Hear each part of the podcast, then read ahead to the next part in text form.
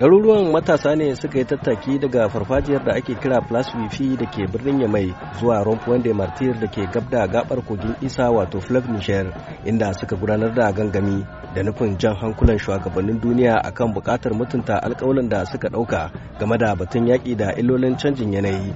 Isa garba na daga cikin shugabannin ƙungiyar gva wacce ke gaban wannan yunkuri. Mun gani an sa hannu a ƙasar paris bis an kai yarjejeniya an ka sa hannu. Amma har yanzu sa hannun nan babu nan ga ganin sake huska. Don shi ne mun ka ce duk duniya ko ina an yi jerin gwano. Mun kuma 'yan Nijar mun ka ce bai kamata a ce wai ba mu cikin wannan sahihun duniya. Ya kamata a ce an yi da mu kuma abunda abun horin cikin mu yau ne shugaban ƙasar mu ya hito da wannan babban taron da an kai a garin New York. Ya dawo ya ga isko muna nan muna wannan jerin gwano kenan abu ne na horin ciki wajen mu. Tunda yana sa ya sani ko 'yan ƙasar Nijar ma su ma sun shiga cikin wannan layi. Jamhuriyar Nijar kamar sauran ƙasashen yankin Sahel na daga cikin ƙasashen da ke ɗanɗana kuɗa a sanadiyar ɗumamar yanayi dalili kenan matasan ƙasar suka tashi tsaye don an karar da mahukunta akan wannan matsala in ji Nafisa Hassan Alfari wata 'yar gwagwarmayar kare muhalli. Yanzu in kun ga isa ruwa yanda yake shekaru da baya ba haka ne isa take yanzu.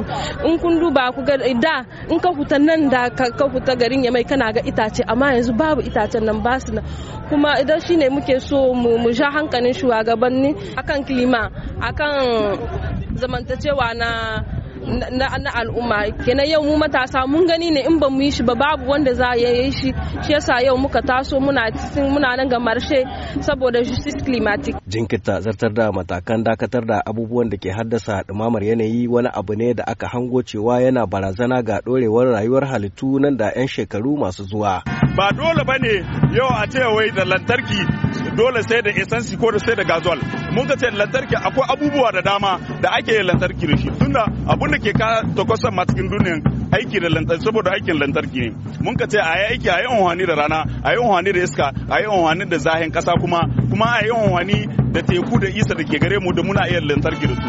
Yau duniya wadda muke jin zahi nan zuwa shekara hamsin ma'ilmanta suka ce ba ta yawa mutum ya yi rayuwa a duniya tunda zahin bai sa mutane su rayu ya kamata a ce wai kenan mun yi lissafi mun yi nazari tunda ba mu ba mu da kannanmu da suke zauwa ya kamata a ce wai mun bar musu duniya kyaukyawa inda ake iya rayuwa rayuwar gaske rayuwa na jin daɗi. Sule Mumuni Barma muryar Amurka daga mai a jamhuriyar Nijar.